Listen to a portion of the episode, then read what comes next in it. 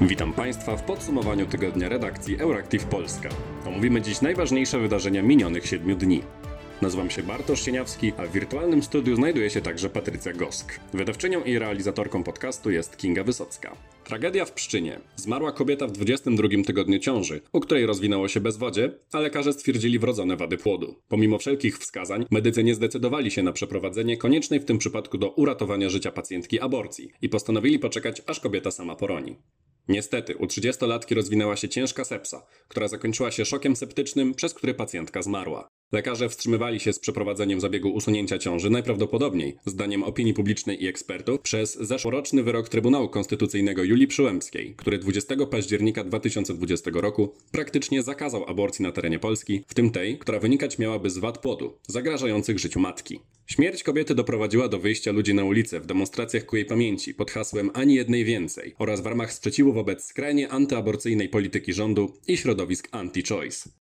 Pozbawia się kobiety prawa do decydowania o swoim życiu. Takich przypadków jak w Pszczynie może być jednak więcej. 28 października marszałek Sejmu Elżbieta Witek skierowała do pierwszego czytania projekt obywatelski Stop Aborcji, który przewiduje karę od 5 do 25 lat więzienia lub dożywocie za aborcję w każdym przypadku, dla zarówno matki usuniętego płodu, jak i dla lekarza, który zabieg przeprowadził. Projekt zrównuje więc aborcję z zabójstwem człowieka, za które grożą w Polsce takie same kary. Za ustawę odpowiedzialna jest Fundacja Pro Prawo do Życia, której przedstawiciele Kaja Godek i Krzysztof Kasprzyk w czwartek 28 października porównywali w Sejmie osoby LGBT do hitlerowców. Jeśli chcielibyśmy szukać analogii historycznych, to trzeba,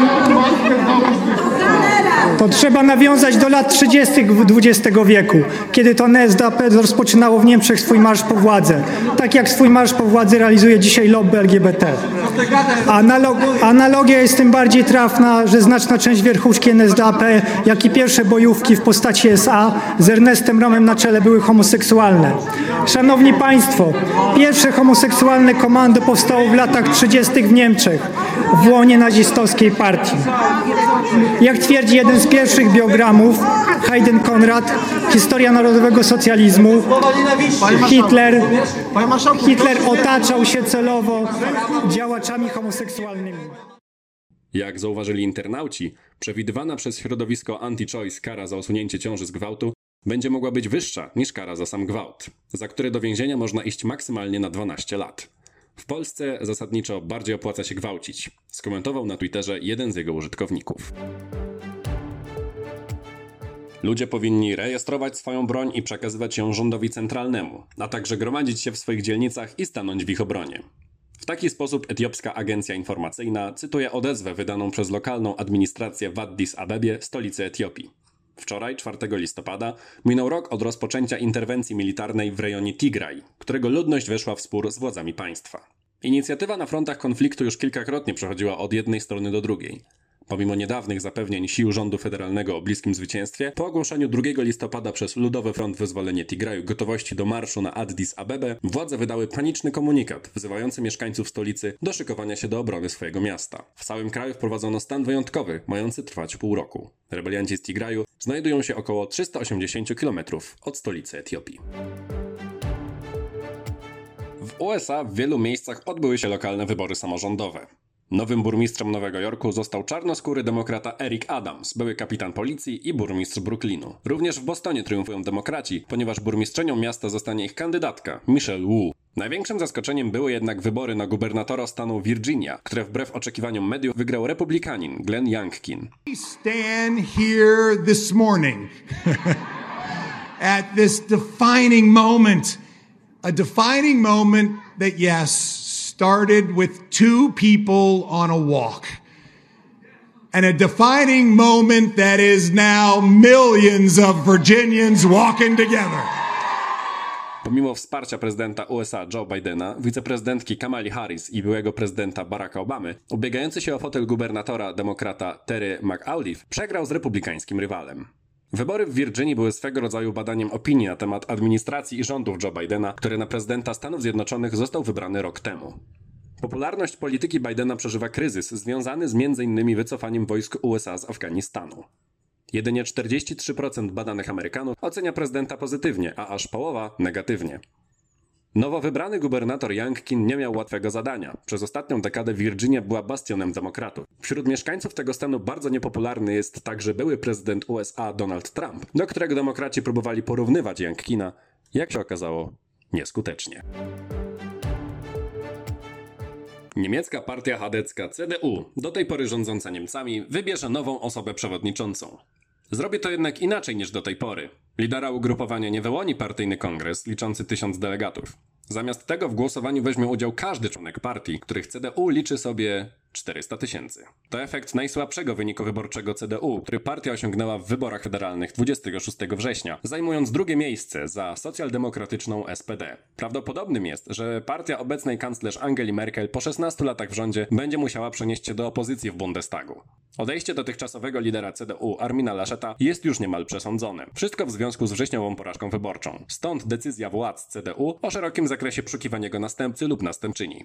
Statut partii nie przewiduje jednak wyboru osoby przewodniczącej spośród szeregowych członków organizacji, więc osoba wskazana przez głosowanie ogólne będzie musiała jeszcze zostać zatwierdzona przez zjazd delegatów partii, który odbyć ma się w Hanowerze. Potencjalnych kandydatów na zajęcie miejsca Laszeta może być kilku. Media mówią o Friedrichu Mercu, liderze prawego skrzydła CDU, a także o polityku Norbercie Rodgenie. W innych częściach Bundestagu odbywają się rozmowy koalicyjne między socjaldemokratami, zielonymi i liberałami. Partie SPD, Grune i FDP od miesiąca ustalają warunki koalicji tzw. świateł drogowych, która miałaby rządzić Niemcami i której reprezentant miałby zastąpić Angelę Merkel na stanowisku kanclerza Niemiec. Podjęto już pierwsze ustalenia dotyczące restrykcji sanitarnych na terenie kraju, które miałyby zostać poluzowane.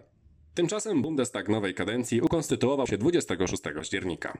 Liczy 735 deputowanych. 30% parlamentarzystów ma mniej niż 40 lat, a co trzecia osoba w niemieckim parlamencie jest kobietą. Wybrany także zostanie nowy przewodniczący Bundestagu, który zastąpi Wolfganga Schäuble z CDU, zasiadającego w parlamencie od 48 lat. Jego następcą zostanie prawdopodobnie polityk SPD. W mediach mówi się, że może to być reprezentująca lewe skrzydło partii Berbel Bass. Teraz Patrycja opowie Państwu o międzynarodowych ustaleniach klimatycznych, podejmowanych w Glasgow, Szkocji w ramach konferencji COP26.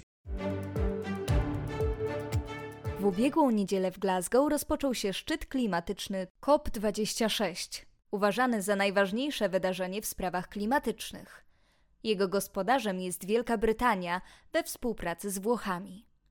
W COP26 bierze udział około 20 tysięcy delegatów ze 196 państw, w tym około 120 szefów państw i rządów. Unia Europejska reprezentowana jest przez delegacje z Rady i Komisji. Udział w szczycie biorą także Joe Biden oraz Barack Obama, a także Emmanuel Macron, Angela Merkel czy sekretarz generalny ONZ Antonio Guterres. Polskę na COP26 reprezentuje premier Mateusz Morawiecki. Pomimo początkowych wątpliwości, do Glasgow udał się także premier Australii Scott Morrison. Obserwatorzy podejrzewali, że zwlekał on z deklaracją o swoim udziale w konferencji ze względu na obawy przed krytyką. Australia bowiem należy do największych na świecie emiterów CO2 per capita. Kto jest wielkim nieobecnym? W Glasgow zabrakło m.in. przywódcy Chin, które są największym na świecie producentem CO2 i odpowiadają za jedną trzecią światowych emisji dwutlenku węgla. Prezydent Rosji Władimir Putin, który niedawno zadeklarował cel osiągnięcia neutralności pod względem emisji do 2060 roku, również nie wybrał się do Szkocji. COP26 opuścił też prezydent Brazylii Jair Bolsonaro. Oczekiwania wobec tegorocznej konferencji opierały się na trzech filarach: utrzymanie globalnej skali wzrostu temperatury do maksymalnego poziomu 1,5 stopnia Celsjusza, pakietu pomocowego dla państw rozwijających się oraz rozszerzającej się liście porozumień w ramach i poza oficjalnymi negocjacjami ONZ. Na szczycie padły już pierwsze deklaracje. Liderzy ponad 100 państw na terenie których znajduje się 85% światowych lasów, zobowiązali się do powstrzymania i odwrócenia procesu wylesienia do 2030 roku. Będziemy mieli szansę zakończyć długą historię ludzkości jako zdobywców natury, a zamiast tego stać się jej opiekunami, powiedział Boris Johnson, nazywając porozumienie bezprecedensowym. We have to stop the devastating loss of our forests, these great teeming ecosystems trillion pillared uh, cathedrals of nature, three trillion pillared uh, cathedrals of nature that are the lungs of our planet. More leaders than ever before have now signed up to protect our forests from countries in the north and the south with temperate forests, tropical forests, and including nations like China, Russia, Brazil, some of the largest forest estates in the world. And they've made a landmark commitment to work together to halt and reverse deforestation and land degradation by 2030. Ponadto ponad 80 krajów obiecało obciąć emisję metanu. Porozumienie w tej sprawie zostało zainicjowane przez USA i Unię Europejską, jednak nie podpisali się pod nim przedstawiciele Rosji, Indii czy Chin krajów, które emitują najwięcej metanu na świecie. Pomysł globalnego porozumienia w sprawie redukcji emisji metanu do końca obecnej dekady o 30% w stosunku do poziomu emisji z 2020 roku prezydent USA Joe Biden przedstawił we wrześniu podczas sesji Zgromadzenia Ogólnego ONZ. Wtedy było z nami 9 krajów, a dziś jest ich ponad 80, dlatego uważam, że cel osiągniemy, a nawet uda nam się jeszcze większa redukcja mówił amerykański prezydent w Glasgow. Możemy zapobiec ponad 200 tysiącom przedwczesnych śmierci i setkom tysięcy wizyt w szpitalu spowodowanych astmą. Wyliczyła natomiast przewodnicząca Komisji Europejskiej Ursula von der Leyen. Biden i von der Leyen wyrazili jednak nadzieję, że lista krajów sygnatariuszy porozumienia w sprawie redukcji emisji metanu jeszcze się wydłuży – Naukowcy natomiast, na przykład ci zrzeszeni w ramach IPCC, podkreślają, że metan to obecnie drugi po dwutlenku węgla najczęściej emitowany do atmosfery gaz cieplarniany. W środę brytyjski rząd poinformował także o nowej, antywęglowej koalicji liczącej 190 państw.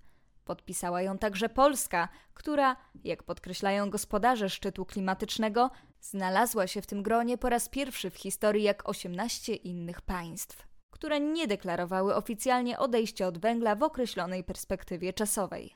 Wśród przyjętych celów są m.in. rezygnacja z nowych inwestycji w węgiel, znaczący rozwój czystych technologii i efektywności energetycznej, sprawiedliwa transformacja dla pracowników sektora węglowego. Wspólne oświadczenie zawiera także m.in. deklarację o wycofaniu się z węgla do 2030 roku w przypadku większych gospodarek i do 2040, jeśli chodzi o resztę świata. Ponadto część państw przedstawiła swoje własne cele.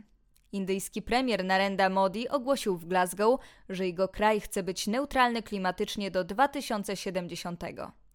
Choć to termin odległy w porównaniu z innymi deklarowanymi, to jednak trzeba pamiętać, że na statystycznego mieszkańca Indii przypada obecnie tylko 1 trzecia emisji w przeliczeniu na statystycznego mieszkańca Ziemi. COP26 to jednak także i kontrowersje.